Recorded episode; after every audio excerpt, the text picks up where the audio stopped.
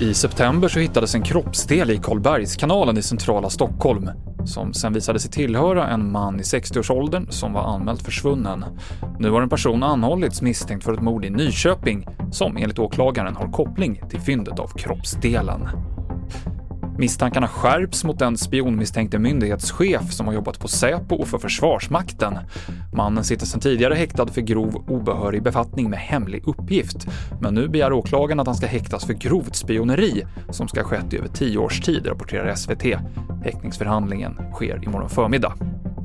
Och den 1 december kommer det att krävas vaccinationsbevis för att man ska få delta i evenemang inomhus med fler än 100 deltagare. Det beskedet kom igår. Och covidpassen kan komma att användas på fler ställen. Restauranger, gym och museer kan i ett nästa steg omfattas om smittspridningen ökar enligt uppgift i TT.